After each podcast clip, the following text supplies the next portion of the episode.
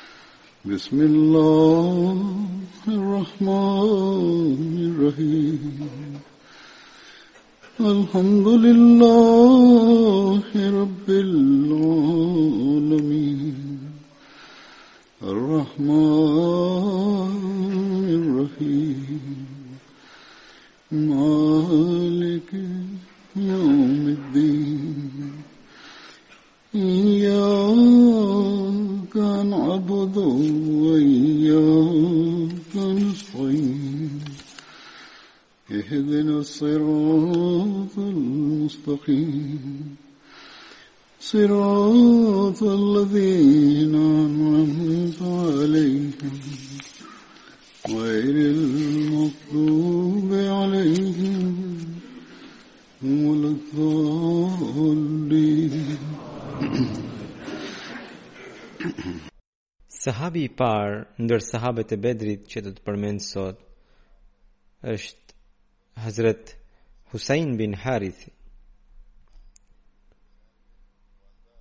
Nana e Hazrat Huseinit ishte Suhaila bint Khazai.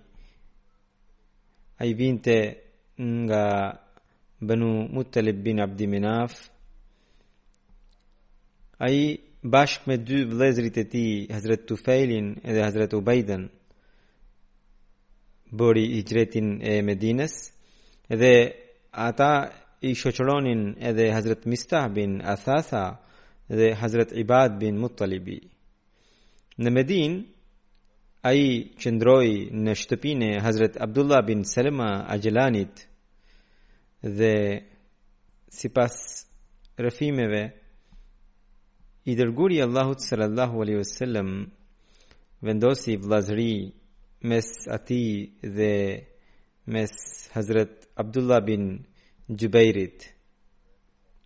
Këtë e thotë Muhammad bin Ishaku. Hazrat Husaini mori pjesë në të gjitha betejat bashkë me profetin sallallahu alaihi wasallam duke përfshirë betejën e Bedrit dhe betejën e Uhudit. Hazrat Husaini mori pjesë në betejën e Bedrit jo vetëm, por edhe dy vëllezërit e tij, Hazrat Ubaida dhe Hazrat Tufaili. gjithashtu morën pjesë në këtë betejë. Ai ndërroi jetë në vitin 32 pas Hijretit. Djali i tij ishte Abdullah dhe vajzat Hatija dhe Hindi.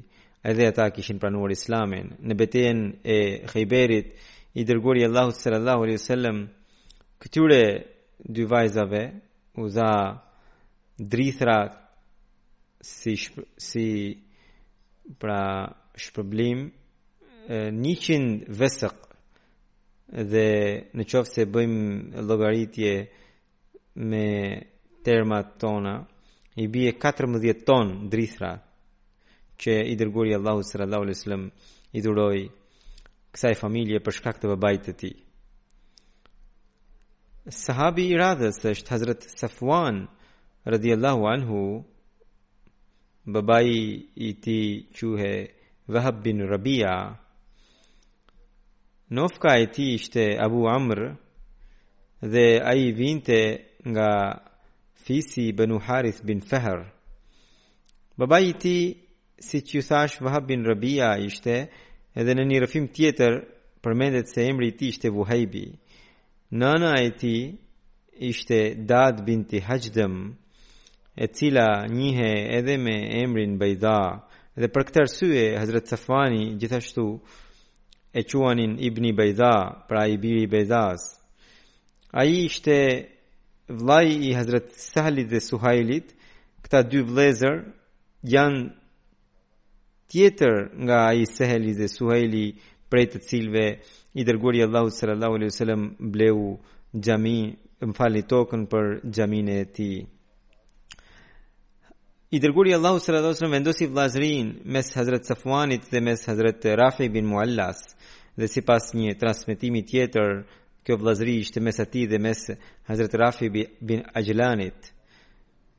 Ka thënie të ndryshme për vdekjen e tij, sipas disave Hazrat Safwani ra dëshmor në betejën e Bedrit dhe atë e vrau Tuaima bin Adi dhe sipas një rrëfimi tjetër ai nuk ra dëshmor në këtë betejë, por Ai mori pjesë madje në të gjitha betejat bashkë me Profetin sallallahu alaihi wasallam, duke përfshirë edhe Bedrin.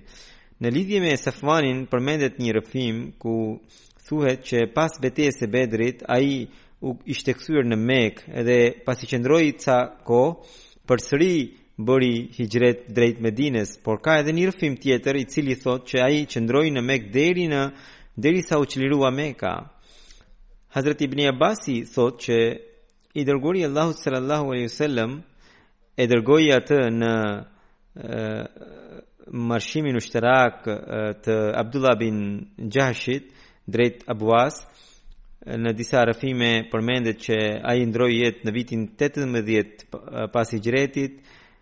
Gjithashtu, tridhjetë pas Hixhretit dhe tridhjetë e tetë pas Hixhretit, pra këto janë rrëfime të ndryshme, por të gjithë janë dakord që ai ishte ai kishte marrë pjesë në betejën e Bedrit. Sahabi i radhës që do të përmend sot është Hazrat Mubashir bin Abdul Munzir. Babai i tij quhej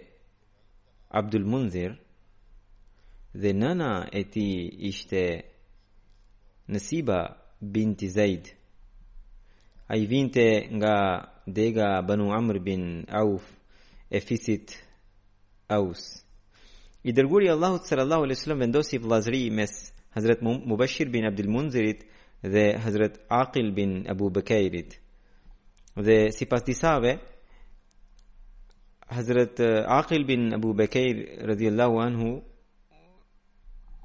u caktua si vëlla nga profeti sallallahu alaihi wasallam me Hazret Mujzir bin Ziyad Ziyadit. Sido që të jetë, sahabi në fjalë mori pjesë në betejën e Bedrit dhe pikërisht në atë betejë ra edhe dëshmor. Hazrat Saib bin Abu Lubaba, i cili ishte i vëllai i Mubeshirit dhe dhe djali i Abu Lubabës rrëfen që i dërguari i Allahut sallallahu alaihi wasallam shpërndau plaçkat që i vinin në hisen e Mubeshir bin Abdul Munzirit mes Man bin Adit dhe dhe nipërve të tij Në kohën e hijretit, ndër muhaxhirët, Hazret Abu Selma bin Abdil Asad dhe Hazret Amir bin Rabia dhe Hazret Abdullah bin Jahash dhe vëllai i tij Abu Ahmed bin Jahash erdhën në Kuba dhe qëndruan pikërisht në shtëpinë e Hazret Mubashir bin Abdul Munzirit. Më pas muhaxhirët herë pas here vinin pikërisht tek ai. Hazret Mubashir bin Abdul Munziri ka pasur edhe dy vëllezër të tjerë siç ju thashë, Hazret Abu Lubaba bin Abdul Munzir dhe Hazret Rifa'a bin Abdul Munzir, edhe edhe këta morën pjesë në betejën e Bedrit. Madje Hazret Rifa'i ishte njëri prej 70 ensarëve që morën pjesë në Bejtin Aqba dhe ai mori pjesë në betejën e Bedrit dhe ra dëshmor në betejën e Uhudit. I dërguari i Allahut sallallahu alaihi wasallam kur po nisej për betejën e Bedrit, ai e caktoi pikërisht të Hazrat Abu Lubabën si kujdestar të Medinës në vendin e quajtur Rauha dhe nga atje e ktheu në Medinë. Këtë e kam treguar edhe më përpara që Rauha është një vend rreth 40 milje larg Medinës. Por i dërguari i Allahut sallallahu alaihi wasallam caktoi atë që ai të merrte pjesë edhe në plaçkat e luftës. Allama Ibni Ishaqu thotë që Hazrat Mubashir bin Abdul Munziri dhe Banu Amr bin Aufi ishin ata ansar sahaba të cilët ranë dëshmorë në betejën e Bedrit. Hazrat Abdullah bin Amri bin Haram tregon që Para se të bëhej beteja e Uhudit, pashë në ëndërr që Mubashir bin Abdul Munziri më thotë që ti pas pak ditësh do të vish tek ne. Unë pyeta ku jeni ju? Më tha jam në xhenet dhe ngado që të duam ne hamë dhe pimë. E pyeta a nuk re dëshmor në betejën e Bedrit? Ai tha, po, por më pas u ringjalla unë, dhe këtë ëndërr sahabi në fjalë ia tregoi profetit Muhammed sallallahu alaihi wasallam atëherë i dërguari i Allahut sallallahu alaihi wasallam tha o Abu Xhabir kjo pikërisht është rënia dëshmor pra që Allahu përsëri e ringjall atë dhe e e liron. Allama Zerqani tregon që dëshmorët e betejës së Bedrit dy prej tyre ishin fisi nga fisi Eus dhe njëri Hazrat Saad bin Khaisama dhe disa thonë që Tuaima bin Adij ose disa thonë që Amr bin Abdivud e martirizuan atë. Samhudi në librin e tij Wafa shkruan që sipas sipas dijetarëve të e, Siretit, pra të jetës, të biografisë së profetit,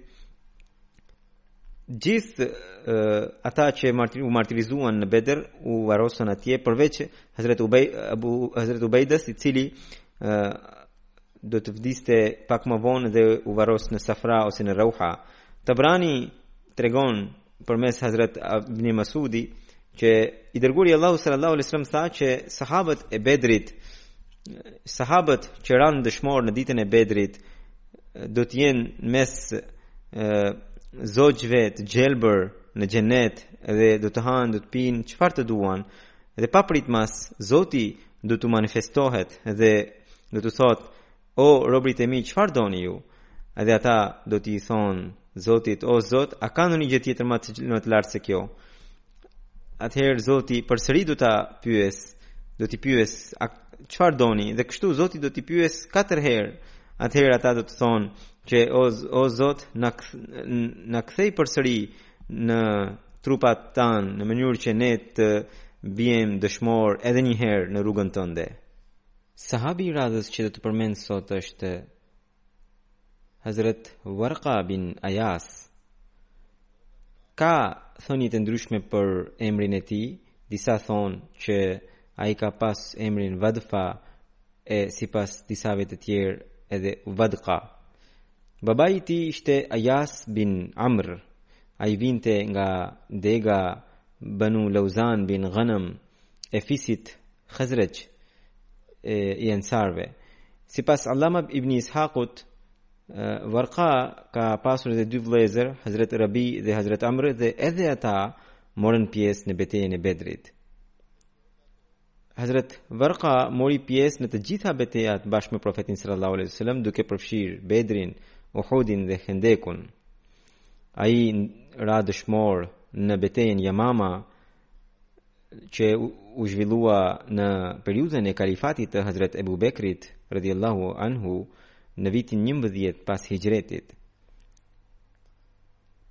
Sahabi i radhës që do të përmend sot është Hazret Muhriz bin Nazla.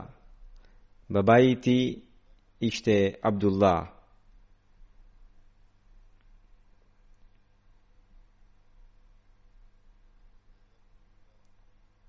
Pra, Nazla bin Abdullah quhej ai dhe sipas një emri sipas një thënie tjetër babai i tij ishte Wahb Nofka i tij ishte Abu Nazla ai ishte i bardhë dhe i pashëm dhe kishte pasur edhe një titull Fuhaira Ai njihej edhe me një emër tjetër, që pra Ahram. Ai ishte aleat me fisin Benu Abdi Shams dhe gjithashtu edhe Abdul Ashal pretendojnë që ai ishte aleat me të. Hazrat Muhriz ose ose Ahram vinte nga fisi Banu Ghanam i Mekës. I gjithë ky fis e kishte pranuar Islamin. Burrat, gratë, fëmijët të gjithë mërguan në Medinë dhe ndër këta ishte edhe sahabi në fjalë, pra Muhriz bin Nazla. Vakdi thotë që Unë kam dëgjuar Ibrahim bin Ismailin, i cili thoshte që ditën e sërah e cila quhet gjithashtu quhet Ghazwa dhi Qrad ose Ghazwa al-Ghaba që u zhvillua në vitin 6 pas Hixhretit nga shtëpia e sahabit në fjalë doli vetëm pikërisht Hazret Muhriz bin Nazla që ishte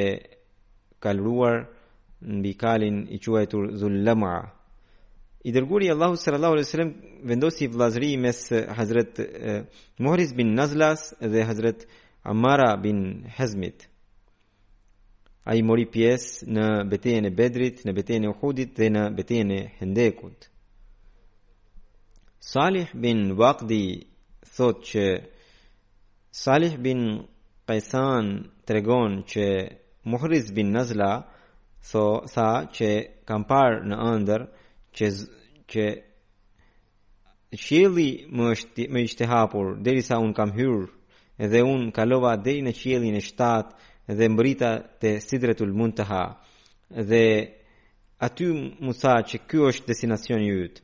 Muhriz thotë që Unë këtë ëndërr ia tregova Hazrat Abu Bekrit, i cili e interpretonte bukur ëndrrat. Ai tha që ky është lajm i mirë për martirizimin tënd, edhe kështu që pas asaj një ditë ai ra dëshmor.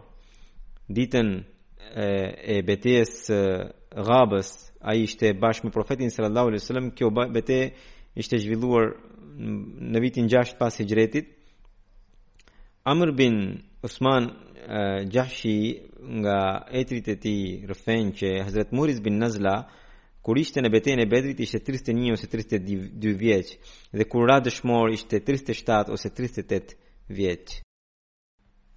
Ngjarja e martirizimit të Hazret Muhrizit përmendet në histori. Hazret Ayas bin Salma tregon që në betejën Dhi Qard për betejën Dhi Qard babai im rrëfen që pasi u bë ngjarja e Hudejbjes, marrëveshja e Hudejbjes ne u nisëm për në Medinë. Dhe mes nesh kishte një mal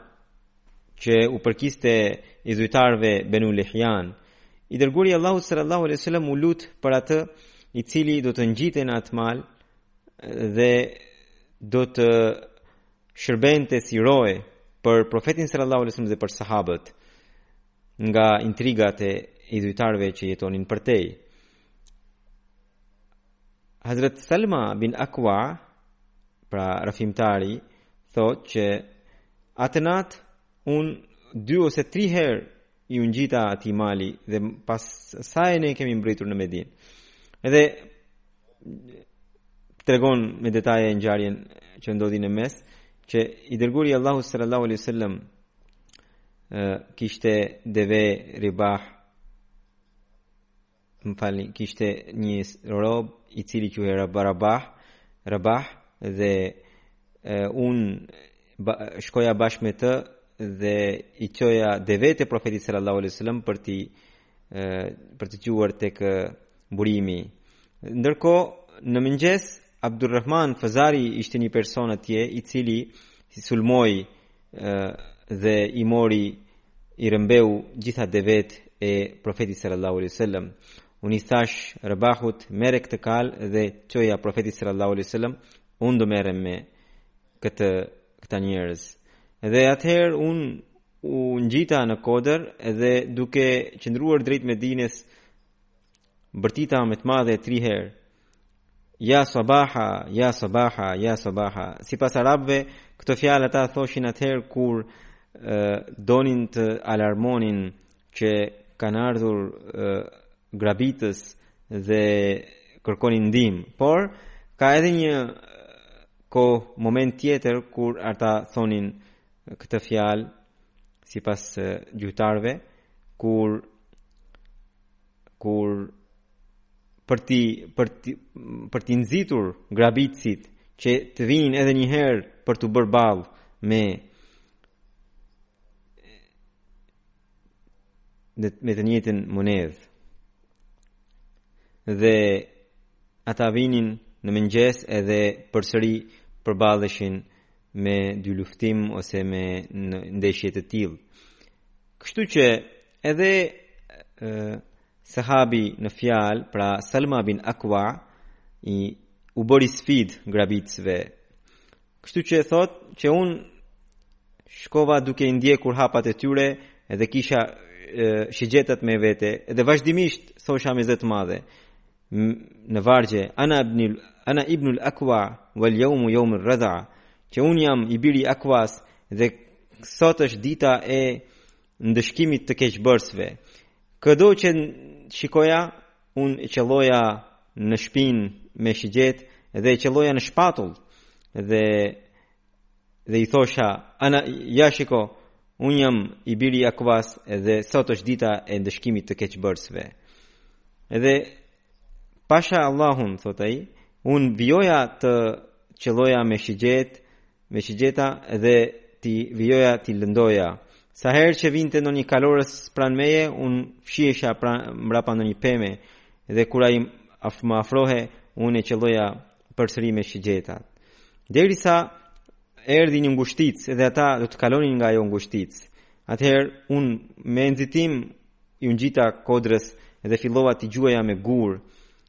Pra ishin këta të cilët i kishin marrë devet e profetit sallallahu alaihi wasallam dhe sahabi në fjalë ishte lëshuar për t'i ndjekur dhe për t'i rimarrë devet e profetit sallallahu alaihi wasallam. Dhe thotë që ai thotë që kështu vazhdova derisa ata u lodhën dhe për t'u liruar i lanë të gjitha devet e profetit sallallahu alaihi wasallam mbrapa dhe e, donin të kalonin nga ngushtica.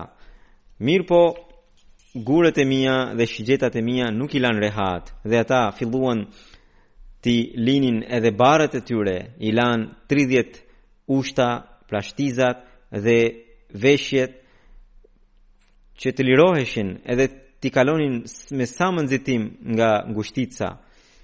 Dhe unë nga mbrapa vija dhe i lija ndonjë shenjë me një gur në mënyrë që profeti sallallahu alajhi wasallam dhe sahabët që vinin mbrapa t'i dallonin edhe t'i merrnin. Derisa ata erdhën në momentin më të ngushtë të ngushticës dhe aty ata edhe ata u ulën diku edhe unë u ula në një kogër kodër Dhe njëri prej tyre tha që kush është ky që duket atje?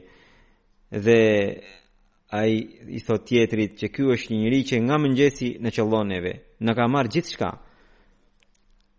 Ai tha që duhet që katër veta prej jush duhet të shkojni tek ai edhe të bisedoni me të. Hazrat Selma bin Akua thotë që katër veta prej tyre erdhën pranë meje, kur m'u afruan mua, që unë të bisedoja me të, unë e pyeta, a më njihni? Ata më thanë se jo. I tha, u thashë, unë jam e, i biri Akuas, për atë zot i cili i dha nderim fytyrës së bekuar të profetit Muhammed sallallahu alaihi wasallam.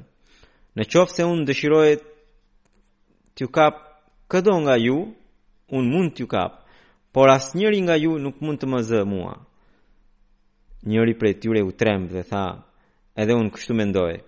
Edhe tre të tjerë u pajtuan me mendimin e tij dhe u kthyen, nga andej nga kishin ardhur. Ndërsa unë vazhdova të rrija aty, derisa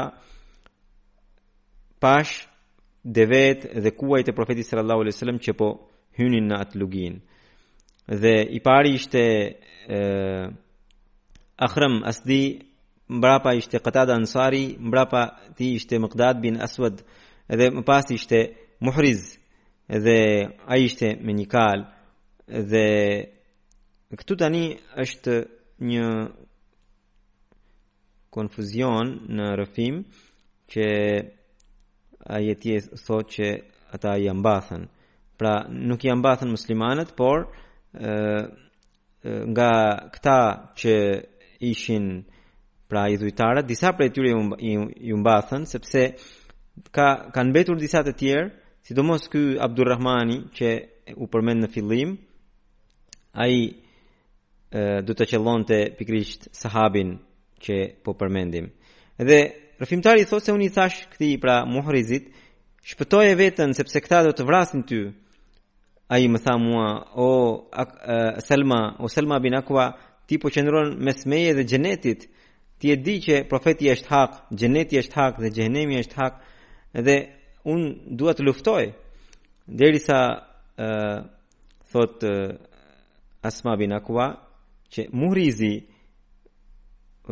doli për të luftuar dhe Abdulrahmani e qelloi së pari kalin e tij dhe më pas edhe Muhrizin edhe e martirizoi dhe hipi ndërsa uh, Abu Qatada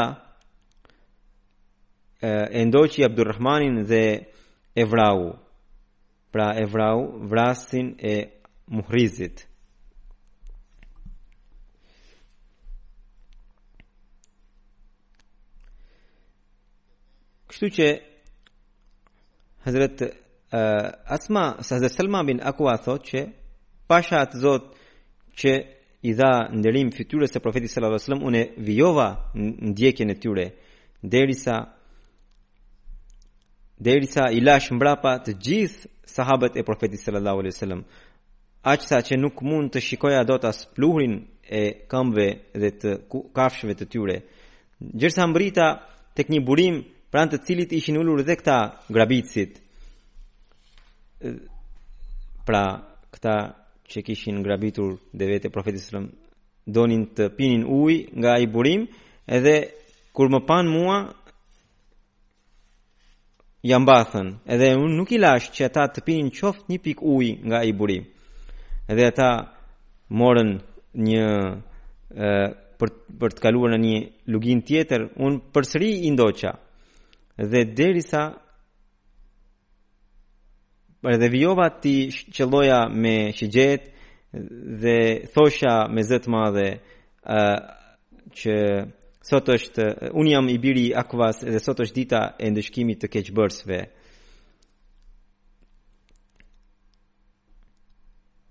Dhe të nesërmën kur më pan mua njëri prej tyre tha me zë të lartë që O akva ty ta humt nana jote.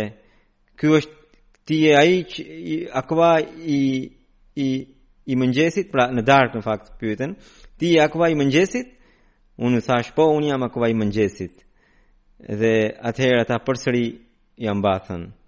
Dhe un mora abdes nga ai uji dhe e, piva ujin dhe pastaj iu afrova profetit sallallahu alaihi wasallam dhe profeti sallallahu alaihi wasallam i kishte marr edhe devet e veta edhe ato gjëra që kisha lënë me shenjë dhe pash që profeti sallallahu alaihi wasallam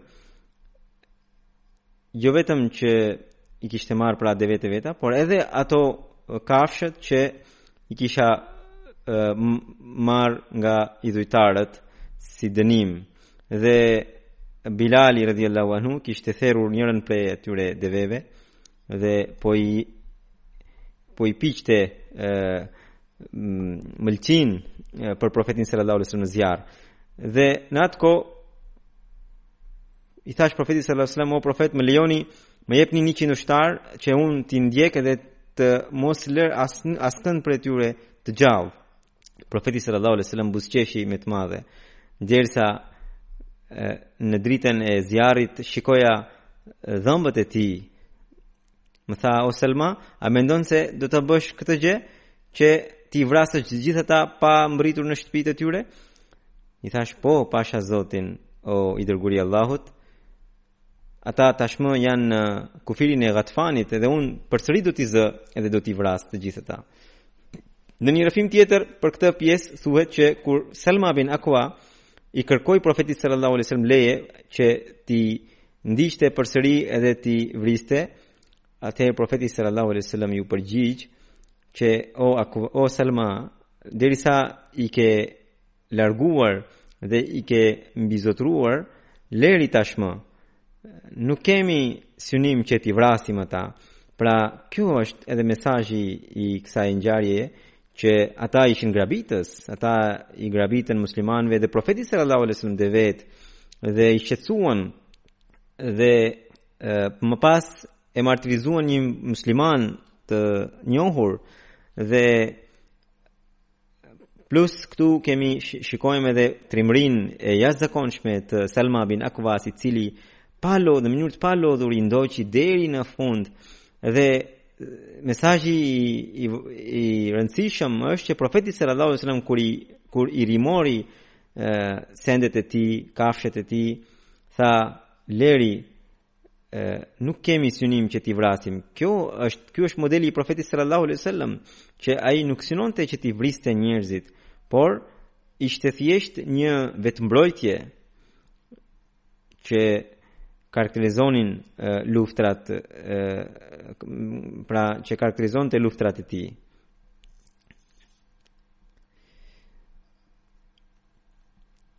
pra të gjitha këto ngjarje ndodhën dhe rrëfimtari thotë që kur i dërguari i Allahut sallallahu alaihi wasallam po bënte këtë bisedë me sahabët dhe në atë kohë njëri prej Beni Gatfanit tha që kemi therur një deve dhe kemi parë dhe pluhurin e idhujtarëve që ata i kishin lënë edhe kufirin e Benu Ghatfanit dhe ishin larguar prej atje. Atëherë i dërguari i Allahut sallallahu alaihi wasallam dha titullin që kalorësi më i mirë prej nesh është Abu Qatada prej besimtarëve dhe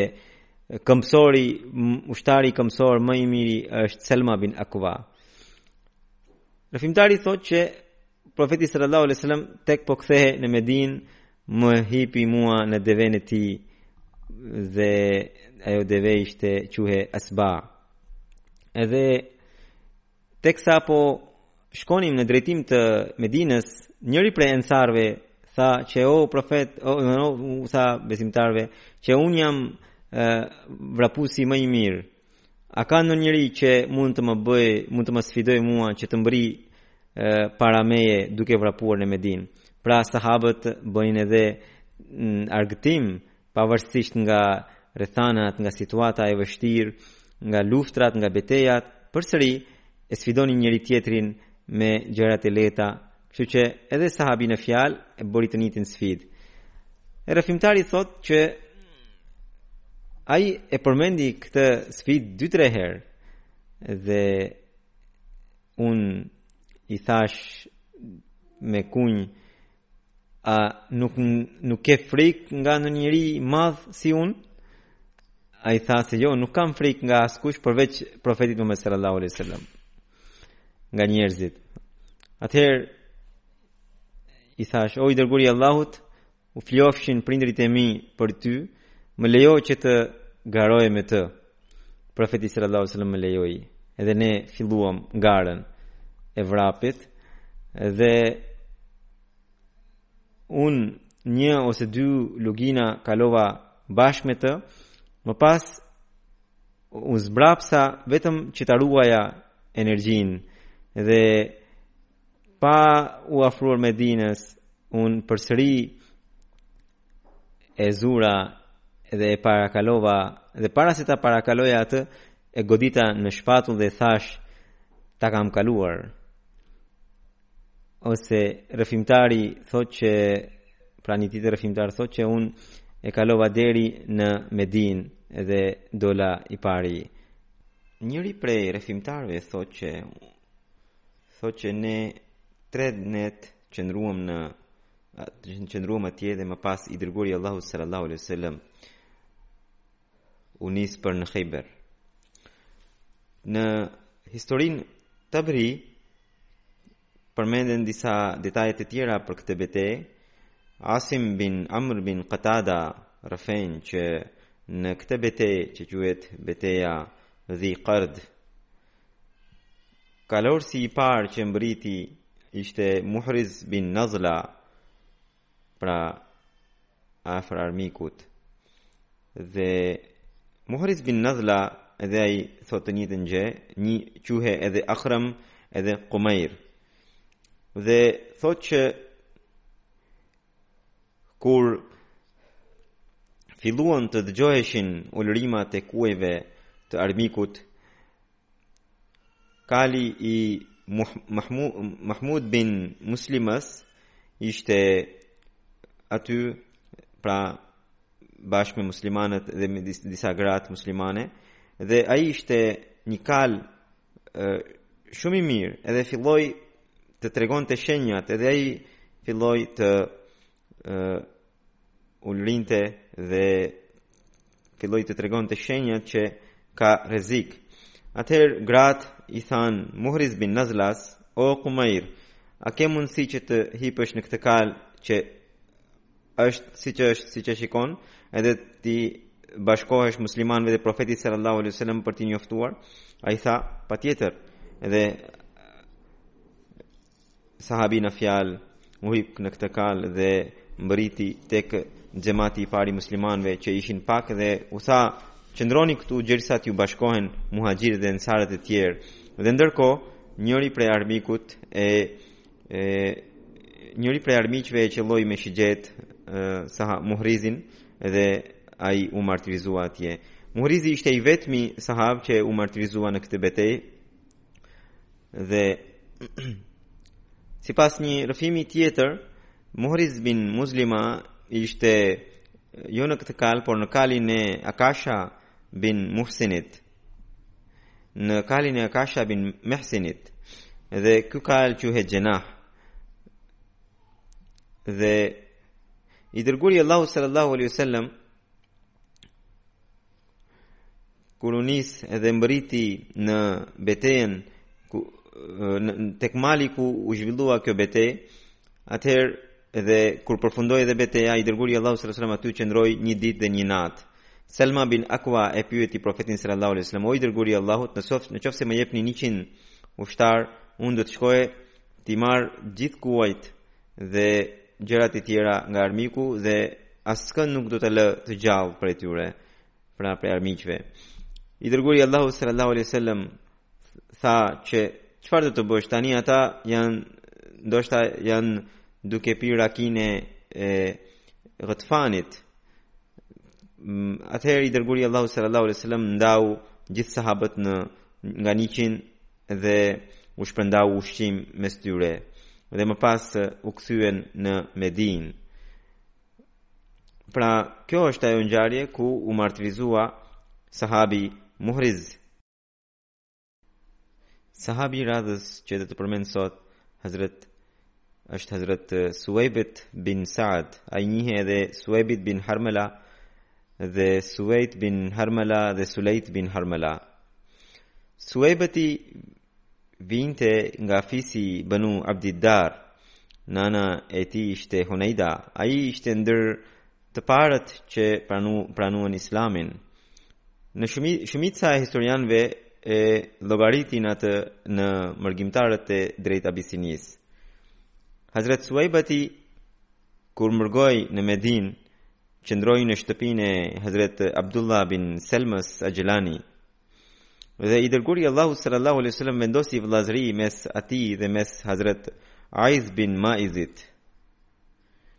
Hazret Suejbëti mori pjesë në betejen e Bedrit dhe në betejen e Uhudit. Hazret Ummi Salma tregon që Ebu Bekri radiallahu anhu një vit para se të ndërronte jetë i dërguari i Allahut sallallahu alaihi wasallam udhëtoi drejt e, Bisras ose drejt Busras, që është një zonë e Shamit për tregti. Dhe atë e shoqëruan Nuaimani dhe Suebiti bin Harmela. Këta të dy, siç thashë, morën pjesë në betejën e Bedrit. Nuaimani ishte caktuar në, në ushqimin e rrugës dhe Suebiti i tha Nuajmanit më jep bukë dhe Nuajmani nuk e pranoi dhe tha që kur të kthehet Ebu Bekri atëherë të të jap Nuajmani Suebeti e insistoi por përsëri Nuajmani nuk e dha dhe Suebeti i tha se unë do të zemërohem. Atëherë, pastaj tek po ecnin, Suebeti dhe Nuemani, kaluan pranë një populli, dhe Suebeti u tha atyre, kam një skllav, a doni ta blini? Ata thanë po, Suebeti tha se mirëpo ai flet shumë edhe vazhdimisht thotë që do t'ju thotë se unë jam nuk jam skllav jam i lirë. Ju në qoftë se do ta prishni atë mos e blini. Pra mos ma prishni skllavin thotë. Ata thanë jo jo ne do ta blejmë edhe i dhanë në këmbim 10 deve dhe shkuan tek Nuaimani i vunë në qafë një litar dhe e morën. Nomani Nuimani u tha që jo, jo, nuk jam skllav, unë jam i lirë. Ata thanë se po po ne e dimë se ti kështu thua dhe e morën me vete. Më vonë, kur u kthye Hazret Ebu Bekri rediallahu anhu dhe e mori vesh këtë rast dhe njerëzit i treguan për ngjarjen, ai shkoi me vrap mbrapa tyre dhe i gjeti dhe u tha ta kthe ta merr ta ktheni Nuajmanin dhe tha se ky nuk është skllav por është i lirë dhe gjithçka ishte një shaka. Edhe ua ktheu devetë. Pra këta njerëz kur janë kthyer në Medinë dhe ia treguan profetit Muhammed sallallahu alaihi wasallam këtë ngjarje Rrëfimtari thotë se profeti Muhammed sallallahu alaihi wasallam dhe sahabët e tij për një vit u argëtuan me këtë shaka dhe qeshnin kur e përmendnin. Pra, kjo është një ngjarje në një rrëfim tjetër përmendet që ishte Nuaimani që e shiti Suebin, Suebetin. Pas përmendjes së sahabëve, ajo që dua t'ju them shkurtimisht është në lidhje me një shpallje Të Hazret Mesiut të Premtuar alaihi salatu wassalam dhe që është wasi' makanak zgjeroje shtëpinë tënde. Kjo shpa, këtë shpallje Zoti i Madhrishëm i dërgoi në kohëra të ndryshme Mesiut të Premtuar alaihi salatu wassalam edhe në fillimet e tij Në atë kohë, për të cilën ai thotë që unë në mexhlisin tim, pra në mbledhjen time kam pasur dy ose tre veta dhe askush nuk më njihte. Dhe atëherë Zoti më tha mua, zgjeroje shtëpinë tënde. Dhe Më pas, në kohëra të ndryshme, Zoti i Madhrishëm i dërgoi këtë shpallje bashkë me shpalljet e tjera, bashkë me lajmet e mira të tjera. Dhe Zoti kështu vijoi ta bekonte Mesiun e Premtuar alayhi salatu wassalam. Allahu i Madhrishëm kur i porosit profetët e tij përmes shpalljes për diçka, kjo nënkupton që ai vetë do të krijojë mundësi, do të, do t'i ndihmojë ata për realizimin e asaj porosie. Dhe në këtë mënyrë edhe porosia e tij kompletohet dhe përmbushet. Kjo është përvoja jonë që ne kemi parë. E gjithë historia e xhematit dëshmonë se me çfarë madhështie u përmbush kjo porosi e Zotit që i erdhi në formë shpalljeje Mesiut të Premtuar alaihi salatu wassalam. Dhe vijon ta përmbushë atë. Ne që jemi shërbyes shumë të vogël të Hazret Mesiut të Premtuar alaihi salatu wassalam, edhe neve na mundëson Zoti që ta shohim përmbushjen e kësaj profecie.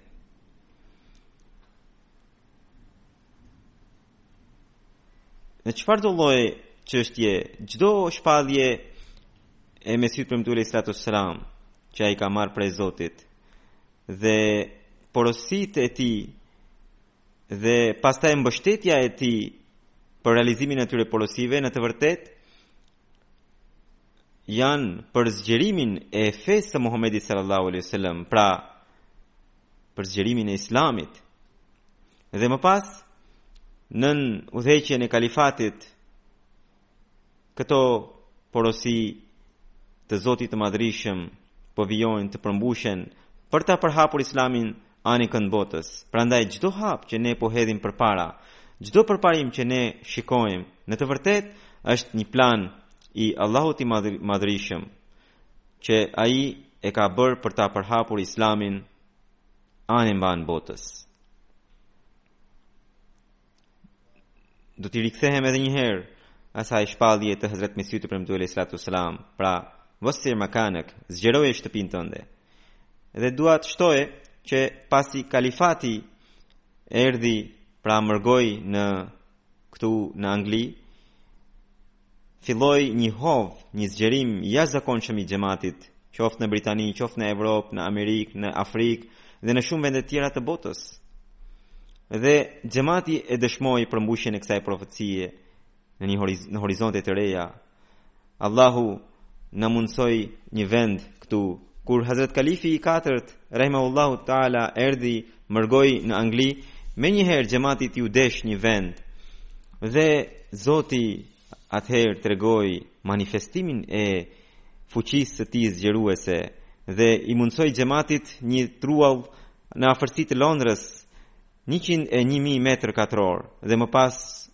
Ajo u shtua edhe me njëzet e katër mijë metra katror ngjitur me atë truall. Dhe këtu, për vite me radhë, u bë Xhelsa Salana e Anglisë, mysafirët vinin, qëndronin, dhe aty kishte edhe një vilë që u la për vendbanim të kalifit dhe kishte edhe ca zyra, kishte një tip magazine që u përdor si xhami. Mbaj mend, një herë në vitin 1985 kur erdha në Angli dhe e takova Hazret Kalifitin e Kalifin e katërt, ai veçanërisht mua më kishte thënë që Allahu na mundësoi një tokë që ne ta ndërtojmë kryeqendrën tonë këtu. Pak a shumë këto janë fjalët e tij, po e parifrazoj, por jam i bindur dhe kam edhe dëshmi të tjera që Hazret Kalifi i katërt rahimahullahu taala donte që pikërisht këtu të ndërtonte qendrën e xhamatit. Sidoqoftë, Allahu i Madhërishëm ka lënë një për çdo punë ka lënë një kohë të caktuar. Tani Allahu na mundësoi që ne të ndërtonim një xhami në këtë tokë dhe zyrat gjithashtu janë modernizuar është ndërtuar një vendbanim për kalifin e kohës, disa shtëpi për misionarët dhe për nëpunësit e xhamatit, edhe disa shtëpi të tjera do të ndërtohen në të ardhmen. Në Londër, zyrat tona ishin në fakt nëpër shtëpi, dhe këto shtëpi ishin kaq të ngushta, dhomat shumë të ngushta dhe puna po bëhej gjithnjë më e vështirë, gjithnjë më e pamundur. Sa më shumë që zgjeroheshin punët e xhamatit, këtu është ngushtuar vendi. Gjithashtu edhe komuna ose bashkia vazhdimisht na bënte vërejtje që ne shtëpitë i kemi kthyer nëpër zyra dhe na thoshte që t'i mbyllim këto zyra. Herë pas here na dërgonte këtë vërejtje. Tani me ndërtimin e këtyre projekteve. Tre ose katër zyra kryesore që këtu ishin nëpër shtëpi, inshallah taala do të transferohen në Islamabad. Pra, kalifi i katërt e quajti Islamabad. Dhe me bekimin e Zotit pas projektit Islamabad, Zoti na mundësoi shumë shpejt një godinë dykatëshe të cilën sot po e përdorim si shtypshkronjë të xhamatit. Gjithashtu edhe Khudamul Ahmedia, pra organizata e të rinjve të xhamatit, Zoti i dha mundësi ta kësaj organizate pra të xhamatit të, ndër, të blinte një, një ndërtesë të re. Gjithashtu, aty në afërsi të Islamabadit, xhamati bleu një tokë tjetër, akoma më të madhe, tetëqind e dhjetë mijë metra katrorë ku tani bëhet Xhelsa Salana. Dhe xhamia gjithashtu që ishte në Londër u transferua dhe u gjet një godinë me sisteme shumë moderne dhe shumë afër Islamabadit dhe që është e, pra kjo fakulteti i xhamatit 121000 metra katrorë. Të gjitha këto projekte, të gjitha këto godina janë gjetur shumë afër Islamabadit që janë 10 ose 20 minuta me makinë. I gjithë ky është një plan i madh i Zotit të Madhërishëm. Dhe është Zoti ai që na mundësoi këto vende në afërsi të tokës sonë të quajtur Islamabad edhe fakulteti i xhamatit duhet të ishte afër dhe edhe ajo u realizua lutuni që Allahu i madhërishëm të gjitha këto pra bashkimin e të gjitha këto këtyre objekteve të xhamatit ta bekojë siç ju thashë që Aty është ndërtuar tashmë vendbanim për kalifin e kohës, gjithashtu dhe zyrat. Prandaj unë në disa ditë në në vijim do të transferohem nga Londra në Islamabad. Dhe lutuni që ky transferim i imi dhe i xhamatit nga këtu në në Islamabad të jetë i bekuar në çdo aspekt. Allahu i madhërishëm bëftë që nga ky vend i quajtur Islamabad ta zgjerojë përhapjen e islamit më shumë se përpara dhe shpallja vasi mekanek zgjeroje shtëpinë tënde të mos jetë e lidhur vetëm me zgjerimin e mureve, por edhe me zgjerimin e planeve madhështore të islamit. Dua t'ju sqaroj edhe këtë, që ata ahmedianë që vinin në xhaminë Fezl këtu, në Londër, dhe parkonin makinat, Fqinjët gjithnjë ankoheshin, prandaj në këtë tokë të re edhe aty ka ca fqinjë gjithë ahmedianët që do të shkojnë atje nuk duhet të shkelin rregullat e qarkullimit edhe nuk duhet të krijojnë asnjë mundësi që fqinjët të ankohen. Për sa i përket xhumasë, në përgjithësi xhumanë unë do ta fal në Beitul Futuh, do të vij inshallah taala çdo xhuma edhe do ta fal këtu. I thashë Amir Sahibit që ai të bëjë një plan, program edhe t'i njoftojë xhamatet që sa xhamate mund të mblidhen në Islamabad për të falur namazin e xhumasë. Cilët janë ata që mund të vijnë atje? Kemi caktuar një perimetër rreth 20 milje rreth Islamabadit dhe në qoftë se do të jenë edhe xhamate të tjera jashtë këtij perimetri, kush do të jenë? Këtë Amir Sahibi do t'i njoftojë presidentët e xhamateve përkatëse që ata mund të vijnë edhe të falin xhumanë në Islamabad. Sidoqoftë, pra siç ju thashë, ky njoftim do të bëhet në shumë shpejt.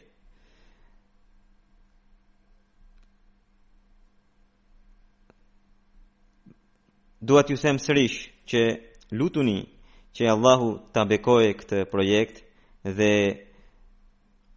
transferimin e kalifatit atje të bekojë në çdo aspekt.